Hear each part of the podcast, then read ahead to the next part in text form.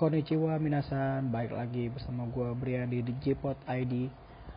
Uh, kali ini gue setelah hibernasi selama berbulan-bulan, ya. Yeah, uh, kali ini gue akan uh, buka episode di Jpot ID ini tentang One Piece chapter 974 di mana ini uh, chapter ini kenapa gue mulai review lagi. Jadi di episode ini bakal gue review ya chat, uh, chapter dan dan beberapa mungkin ada teori dan juga uh, fakta-fakta uh, yang bakal gue jabarin di uh, episode kali ini tentang chapter 974 ini ya. Jadi kenapa gue mulainya di apa mulai tag lagi ini uh, uh, One Piece ini ya? Kenapa baru sekarang? Karena kemarin itu ya terlepas dari kesibukan gue juga dan juga gue uh, apa ya uh, ngisi uh, podcast sebelah itu podcast bola gue sama Iksan salah satu host di sini juga.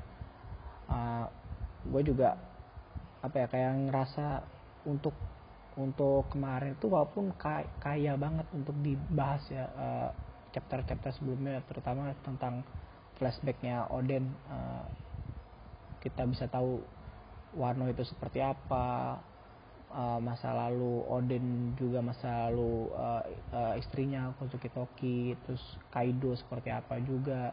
Jadi kita bisa tahu semuanya Orochi juga kita bisa tahu. Tapi gue nggak mau bahas terlalu dalam ke sana karena gue rasa kalian-kalian yang udah apa yang dengerin podcast ini pasti juga udah baca chapter-chapter sebelumnya. Jadi ya gue mau coba uh, fokus dulu ke chapter 974 ini di mana ini versi uh, apa ya versi manganya yang yang hard copy-nya itu ibaratnya tuh dia baru keluarnya sebenarnya hari Minggu. Ya sekarang juga sih sebenarnya tapi gak jam segini. Ini gue udah baca sekitar tadi jam 10 malaman hari Sabtu ya di tanggal berapa? Uh, tanggal 15 harusnya dia update. Gue ba udah baca tanggal 14 soft copy-nya gue uh, ada yang keluar cepet. Itu gue baca dan di chapter 974 ini uh, uh, berjudul menuju Onigashima. Ya ini bisa dibilang udah mulai seru nih sebenarnya karena uh, udah flashback udah nggak ada. Jadi kita ditontonkan Oda itu udah nampilin uh, timeline sekarang. Di mana cover story ini masih nyeritain tentang uh, bajak laut uh, fire tank ya Beji. Gang Beji di sini uh, Goti. Ya Goti ya uh, Goti. Kayaknya dia berhasil nyelamatin Lola ya. Di sini setelah memang uh, di cover uh, cover story sebelum sebelumnya memang kan ada konflik dari uh, bajak lautnya fire tank Gang Beji uh, di Dressrosa kayaknya sih memang ya untuk untuk nyelamatin Lola juga yang ternyata Lola juga ada di Dressrosa jadi kali ini uh, si Gotti salah satu anggota dari uh, Beji ini dia nyelamatin Lola. Ya, ya di cover story ya itu aja yang bisa dibahas. Lalu masuk ke halaman pertama. Di panel pertama ini uh, di halaman pertama memang kayak apa ya nyertain garis besarnya memang nyeritain uh, tentang uh, rencananya si Kyoshiro alias Denjiro yang kemarin atau di chapter sebelumnya akhirnya terungkap uh, identitas Kyoshiro yang sebetulnya sebenarnya orang udah pada hampir bisa dibilang udah pada tahu ya kalau Kyoshiro itu Denjiro tapi uh, akhirnya bisa diperte dipertegas oleh Oda di di uh, di ini ya di chapter kemarin. Terus di mana kalau kita lihat di halaman pertama ini sudah mulai ada apa ya dipertontonkan alur ya kemarin. Awal-awal bisa sampai mereka apa membuat skenario Komurasaki alias Hiyori anaknya dari Oden itu ditebas oleh Kyoshiro alias Denjiro. Itu ditunjukin di sini gimana kalau di halaman pertama itu memang Kyoshiro menyuruh uh, Komurasaki atau Hiyori itu untuk selalu membawa jaga-jaga ya darah lah ibaratnya darah cadangan. Jadi seakan-akan jika dalam kondisi terdesak bisa uh, ada adegan ya yang seperti di chapter awal itu ya waktu kamu sakit ditebas Kyoshiro pada itu buang-buangan doang. Nah terus lanjut ke halaman berikutnya ke panel selanjutnya itu uh, Orochi panik ya. Di mana di sini nunjukin Orochi panik uh, tentang kalau si Kinemon, Kanjuro, Raizo, Kikunojo sama Momonosuke, uh, Momonosuke ini ternyata ada ada lagi. Setelah 20 tahun ditransfer benar-benar ternyata so, uh, oleh Kozuki Toki.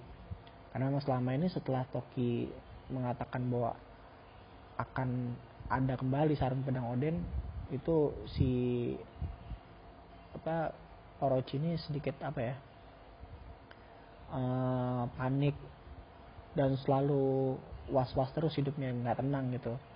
Nah di sini dia mendapat surat kalau kalau akhirnya Kinemon, Kanjuro, Raizo, Kikunujo sama Momonosuke itu ternyata ada kembali setelah 20 tahun. Nah, itu di situ juga sebenarnya Kaido pun kayak uh, apa namanya? kayak sebenarnya santai aja orangnya dia terlalu tidak terlalu tidak terlalu panik juga atau malah juga kayak biasa aja karena memang uh, Kaido merasa level dia itu jauh di atas uh, para pengawal-pengawal Oden yang masih tersisa kan. Karena memang waktu kita ditunjukkan waktu eksekusinya Oden itu memang yang paling diharapkan kematiannya oleh Kaido lah Oden. Kalau kalau apa kalau Oden mati pun udah mau pengawal nyerang dia sekaligus juga nggak ada efeknya karena memang kualitas berbeda jauh. Lalu di panel berikutnya di sini tiba-tiba Orochi akhirnya mem, apa ya menceritakan suatu flashback tentang seseorang. Ini masih suasana tadi sama, ngobrol sama Kaido. Tiba-tiba Orochi ceritain flashback seseorang yang di mana orang ini dia ceritain kalau orang ini ada uh, seorang mata-mata yang ternyata ini me, seperti apa ya di sini Oda akhirnya mulai ngebuka kalau mata-mata ini adalah orang terdekat Oden sebetulnya. Karena di sini ceritain cuma masa lalunya dia di mana kalau dia itu kehilangan, orang tuanya saat di panggung karena uh, persekusi yang dilakukan di negeri Wano. Nah itu uh, dia dia klaim dia seklaim juga sama si uh, si Oro, Orochi yaitu Korozumi. Jadi memang saat itu dia datang ke Orochi mengabdi mengatakan kalau dia se, se, juga dengan Orochi dan dia diberi buah setan oleh uh, Orochi ya nah itu akhirnya dia jadi mata-mata sampai 20 tahun ini. Dan dan terbukti dia dia bisa membantu Orochi seperti selangkah lebih maju dibandingkan aliansi uh, Luffy ya saat mau menyerang. Dan di situ pun uh, dia mengatakan kalau apa benar-benar apa rencananya itu sangat terbantu sekali dengan dengan mata-mata yang ada ini. Dan di sini pun juga ya di panel berikutnya memang apa ya hanya menceritakan hal-hal biasa saja walaupun di sini uh, langsung ke timeline sekarang di mana akhirnya uh, sarung pedang Odin sebenarnya sarung pedang Odin ini uh, melanjutkan tetap nekat melanjutkan perjalanan mereka ke Onigashima. Karena memang kondisi di pelabuhan Tokage kan udah berantakan ya badai dan sebagainya nggak ada kapal dan sebagainya. Ya jadi kayak nggak mungkin untuk bisa di uh, seberangin.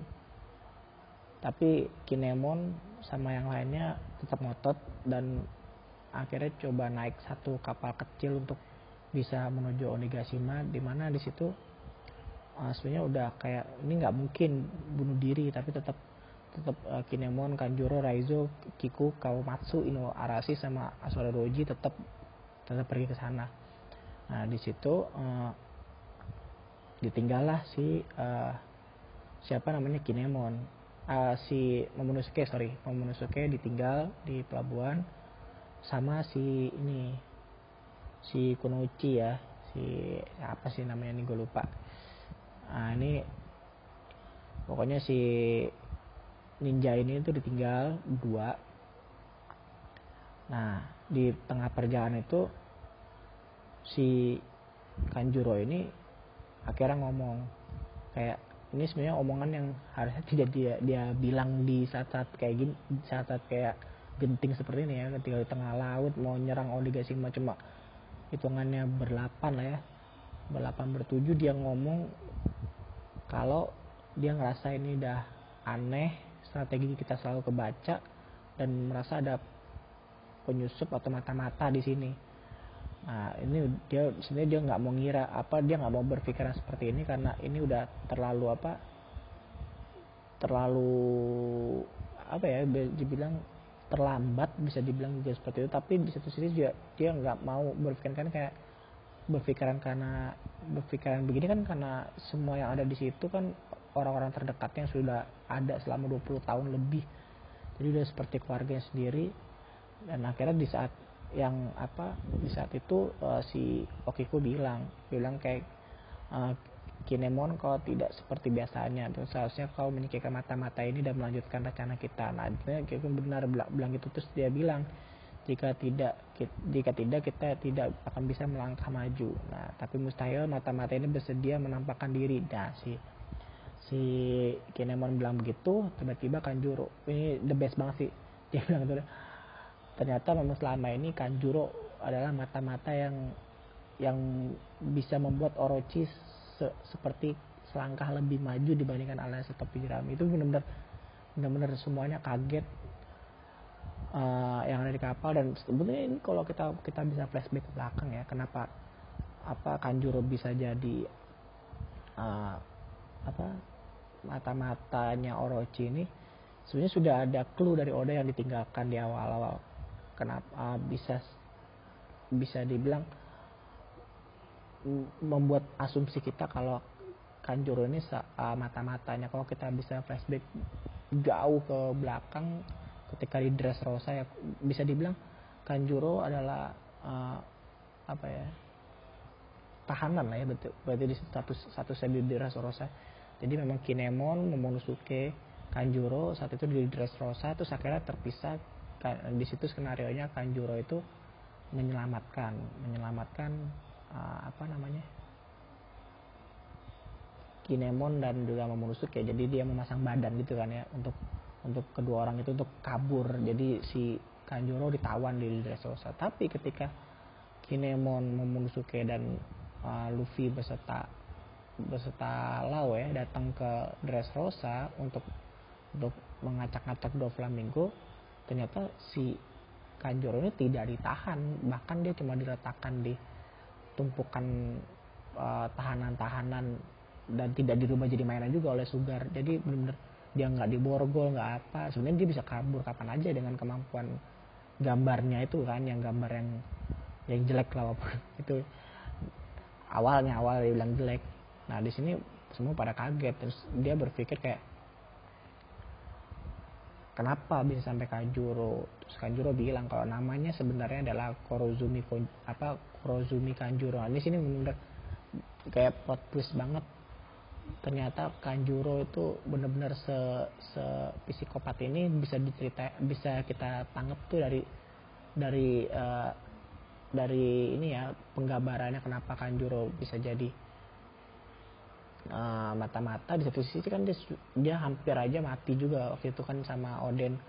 Uh, direbus hidup-hidup kan sama sembilan uh, sarung benang Oden yang lainnya. Ternyata memang dia itu bisa dibilang kayak ya bisa bilang gila atau bagaimana itu bisa bisa dibilang gitu karena uh, apa ya emosinya itu udah nggak ada saat saat waktu kejadian yang orang tuanya itu di apa persekusi itu ya di atas panggung. Jadi memang dari kecil dia kayak gitu ya dan hidupnya dia tuh memang drama. Jadi kalau lu ingat drama-drama di TV nah ini drama sesungguhnya dari Kanjuro jadi jadi dia bahkan berkata kalau dia dia ingin mencari tempat matinya sendiri. Jadi ini nih benar-benar uh, apa ya benar-benar plot twist yang tidak pernah dipikirkan sebelumnya. Karena kok bisa gitu kan Juro yang yang hampir mau yang hampir mati ternyata dia itu mata-matanya. Dan di dan sini pun juga di, diterangin kalau sebenarnya Kanjuro itu lebih uh, tidak punya dendam sama uh, sama sembilan sarung pedang Oden ya. Karena memang dan dia juga respect sama Orochi. Karena, mungkin seklan ya. Dan di situ juga uh, sebenarnya Kanjuro lebih senang kalau dia bertarung bersama sembilan uh, sarung pedang Oden di Onigashima terus mati bersama tanpa ketahuan kalau dia mata-mata. Tapi ternyata uh, Orochi udah bilang kalau tugasnya udah selesai. Jadi ya nggak apa ngomong ngomongin aja. Nah itu di situ bener-bener kaget dan di sini Kinemon yang udah emosi dia tebas tuh palanya si apa Kanjuro. Ini ini sebenarnya adegan yang mungkin nggak bakal ada di di anime yang pasti bakal di sensor atau gimana karena memang ini cukup sadis juga sih di di apa di uh, manganya. Ketika ditebas itu di satu sisi uh, perahunya bajak laut uh, bis datang di sini gede ada sekitar ada tiga lah ya kalau di sini. Kalau dari dari panel di gambar tuh ada tiga uh, perahu besar kapal besar dari bajak laut bis. Ini dia datang pada pada depan sama uh, kapalnya dari yang kapal kecil ya skoci lah ya skoci dari uh, sembilan sarung pedang Oden.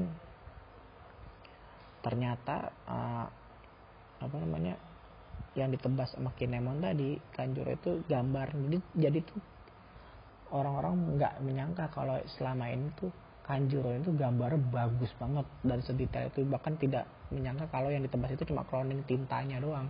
Kalau bisa dia mirip-mirip kayak saya kalau di anime Naruto. Jadi ternyata memang uh, luar biasa ternyata Kanjuro itu uh, ini apa si uh, ninja yang tadi ada itu si Kunoichi yang ada di uh, Pelabuhan Tokage yang dampingin si Momonosuke. Jadi dia merubah bentuknya dan dan berkamuflase di situ. Dan akhirnya memang perintah terakhirnya kan dari Orochi adalah membawa Momonosuke ke Onigashima. Jadi Momonosuke di situ dicoba dibawa sama si Kanjuro ke Onigashima ke Onigashima. Jadi si Kunoichi itu nah ini nggak tahu nih ke mana dia letaknya nih ketika Kanjuro nggak apa ternyata ternyata si Kunoichi itu ternyata, ternyata Kanjuro. Jadi jadi mungkin bisa jadi pertanyaan nih ke mana nih orang. Nah di sini juga kenapa saat udah mau pergi tiba-tiba ada ledakan nih di kapalnya si bis. Ternyata ada tembakan dan di situ Luffy datang. Ini ini momen yang memang sudah diprediksi di jauh-jauh chapter yang jauh ketika uh, Kinemon dan yang lainnya tetap melanjutkan tetap ingin melanjutkan uh, penyerangan ke Onigashima di di saat kondisi yang benar-benar sangat tidak memungkinkan ternyata nanti bakal ada Luffy di tengah laut. Ternyata benar Luffy ada di situ muncul nembakin ke kapal bis dan di situ juga muncul dari bawah uh, permukaan laut uh, kapalnya si Lau nembakin juga dan dia di sisi yang berlawanan kapal Lakit nembak juga. Jadi tiga kapal itu ditembak dan semua itu kaget semua. Bahkan si Kanjuro pun uh, apa ya nggak nyangka kalau kok tiga orang ini ada dan benar-benar di luar skenario yang ada. Antara mungkin Kanjuro dan Orochi dan Kaido dan sebagainya. Ternyata ini ini jebakan lah bisa dibilang. Mungkin satunya bisa ter apa bisa karena seorang Denjiro ya yang yang ada di ibu kota atau Kyoshiro yang ada sekarang ada di ibu kota. Dia juga bisa bilang membantu mungkin secara tidak langsung membantu uh, para aliansi uh, topi jerami ya untuk untuk bisa kabur dari rencana liciknya Orochi Kaido Takanjuro juga. Jadi di sini memang luar biasa nih benar-benar udah mau masuk ke apa pertempuran yang sesungguhnya dan kata-kata terakhir yang ini benar-benar gue suka banget.